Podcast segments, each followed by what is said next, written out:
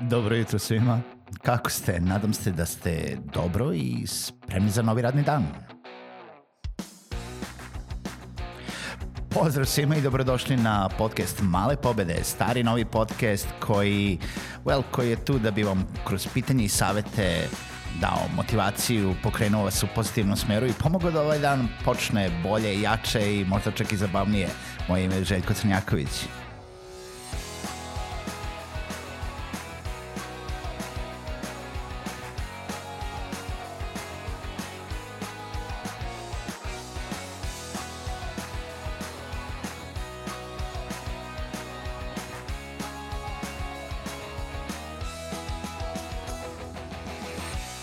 Pozdrav svima, dobro jutro i dobrodošli u još jednu epizodu Malih pobjeda.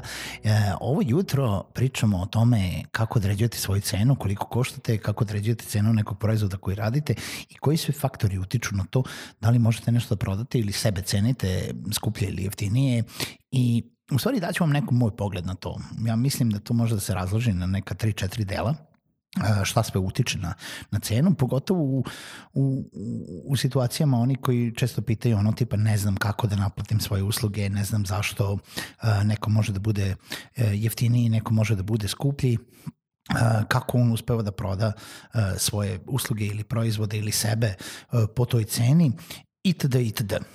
Mislim, određivanje cene za to morate da prvo uhvatite malo vremena, da malo testirate i nije nešto fiksno, nije nešto što ćete da uradite odmah u startu i da će to da bude vaša cena svo vreme koje radite. Nebitno je, opet kažem, da li imate neke usluge, da li ste agencija, da li osmišljavate novi proizvod, da li prodajete nešto ili jednostavno nudite sebe kao freelancer. I sad, neka 3-4 dela na koje to može da utiče, to je faktori koji utiču na to, jeste um, svakako ključno po meni u tome da kako uh, idete kroz ta tri dela ta, i kako ih se oni menjaju vremenom, tako možete i vi da menjate cene. Prvi od, ti, od ta tri dela jeste tržište. Tržište i sam način to je ovaj, ono, o, troškovi koji imate oko toga. Tržište određuje cenu nekog proizvoda ili neke usluge. Ne treba da idete daleko ispod tržišne cene, znači treba da vidite ako ste programer, ako vaš uh, programerski sat u ekspertizi koji imate košta toliko i toliko, a treba da se raspitate koliko drugi programeri naplaćuju u odnosu na to šta znaju da rade. Na osnovu vas, zato što je, to, to sad konkretno je veoma širok dijapazon uh, ovaj, usluga i znanja koje možete da imate kao programer, ali uzmimo recimo neki proizvod, ako imate koju proizvodite uh,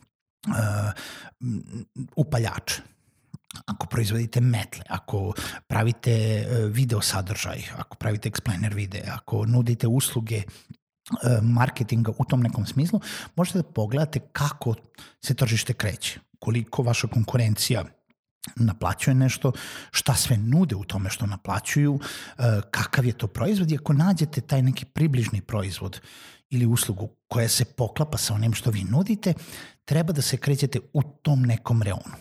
I to, to je jedan faktor. U taj faktor takođe ulazi i ono, ono uh, koliko vas košta da to nešto napravite. I ne mislim samo vašeg vremena, nego mislim i na vreme i na uh, možda neke troškove izrade, na proizvodnju, na uh, možda neke ljude koji upošljavate da to urade sa vama. Znači, sve to uzimate kao faktor u formiranju cene. I to je jedan deo što utiče na vašu cenu. Drugi deo jeste to koliko vi iskustva imate i kakav ste vi brand u tom proizvodu. Pogotovo ako se radi o nekim uslugama vas kao kompanije, vas kao preduzetnika, vas kao uh, neke agencije koje nudi neke usluge koje nisu proizvod, koje nisu upaljači. Znači ako vi nudite recimo proizvodnju video sadržaja ili nudite marketing usluge ili nudite um, obradu štampe, šta god, vi ne možete odmah da parirate sa nekim ko je na tržištu već 5 godina ili 10 godina. Možete da probate, ali nije nužno da ćete da uspete. Ovo je posebno izraženo u slučajima kada pričamo o freelancingu. Znači, kada neko ulazi u freelancing, nebitno šta radi, nebitno da li je programer ili virtualni asistent ili data entry guy, znači, sami prvi poslovi sigurno nisu realno cenjeni u odnosu na to da vi ste trenutno na toj platformi da niko nije čuo za vas, da nemate ni jednu ocenu iza sebe, nemate ni jedan review, nemate nikoga koga bi mogli ono tipa pozvati i u stvari preporučiti ko bi vas mogao da preporuči ili vi preporučite, kaže, idite kod njega, pitajte kako, kako je bilo, kako je zadovoljan sa mojim uslugom ili mojim proizvodima i znači imam neku referencu kao takvu. Znači, e, vaš brand će se graditi godinama i u jednom momentu ćete vi moći da parirate bilo kom brendu na tržištu i pod time stvarno mislim da uključuje i uh, vaš, svaki vaš prethodni projekat i vaš portfolio i vaše stare klijente i uh, ono što ulažete u sebe i način na koji klijenti vas hvataju. Znači ne samo ime brenda kao brenda, ako mislimo na upoređivanje Apple-a i, i bilo koje male neke prodavnice ili firme koja uh, želi da proizvede neki svoj prvi telefon. A, znači, to su dva faktora. Znači, imamo faktor tržišta, imamo faktor brenda. Imamo faktor koliko ste vi dobar prodavac. Često sam čuo i lično iskusio činjenicu da kaže, recimo, imamo proizvod koji prodaje više, više ljudi. I sad, jedan je mnogo skuplji od drugih. Svi ostali drže neku cenu, recimo kažemo da je nešto sve 100 dinara, a jedan prodaje za 200 dinara. I onda vi dođete i kažete, pa kako taj prodaje za 200 dinara kako ga nije sramota kada svi ostali nude za 100 dinara. Činjenica da on prodaje za 200 dinara i da to traje, znači da to nije trend od nedelju dana ili mesec dana, nego da on konstantno drži tu cenu, znači da je on našao neko tržište i neke kupce kojima će to da proda za tu cenu. Nebitno da li je ta cena realna ili nije. Možda on nudi nešto dodatno što vi ne znate, možda nudi uh, neku ekspertizu, možda je veći brand, možda nudi mnogo, veći, uh, mnogo veću korisničku uslugu uh, kroz, kroz taj proizvod nego svi ostali i samim tim omogućuje sebi da može da naplati više u tom nekom smislu, znači totalno je legitimno da vi ono što možete da prodate po ceni koji zamislite, ukoliko možete da prodate po toj ceni, to je to. Vi ste uspeli u tome. Ne morate, ne, nebitno je šta ko drugi kaže i kaže ti nisi normalan, ja ću otići da kupim na drugo mesto. Idi kupi na drugo mesto. Ta osoba ili ja ne bi to prodavao po toj ceni da ne mogu da prodam da nemam moju ciljnu publiku koja će to da kupi. Možda mi nisu ciljna publika svi. Znači, to kakav ste vi prodavac izuzetno utiče na to šta ćete da prodate. Naravno da to utiču i ona druga dva faktora koja sam pomenuo.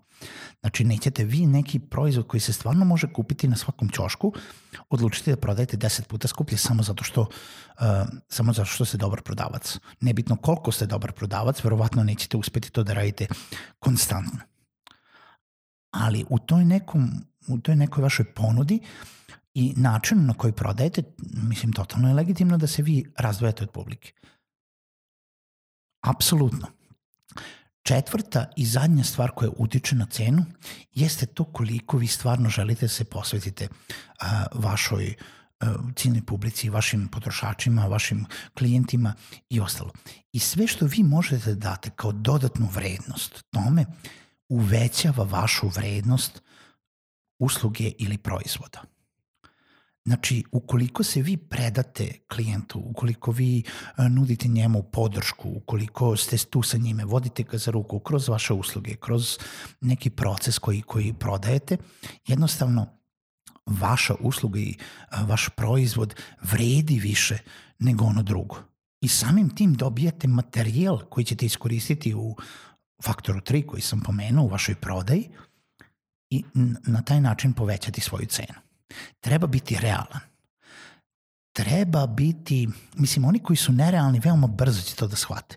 Veoma će brzo doći do depresije, kako ja to ne mogu da prodam nešto. Kako onaj tamo može da ovaj, um, prodaje to i da bude zadovoljan sa tom cenom, kada ja želim da zaradim milione. Nije poenta zarada miliona poenta je da pomognete vašim kupcima i klijentima i pričat ćemo tamo u jednoj narednih epizoda da je deo prodaje danas i deo uh, toga da ste preduzetnik ili bilo koji pružalac usluga ili prodavac proizvoda činjenica da stvarno želite da pomognete vašim klijentima, a ne samo da zaradite za sebe.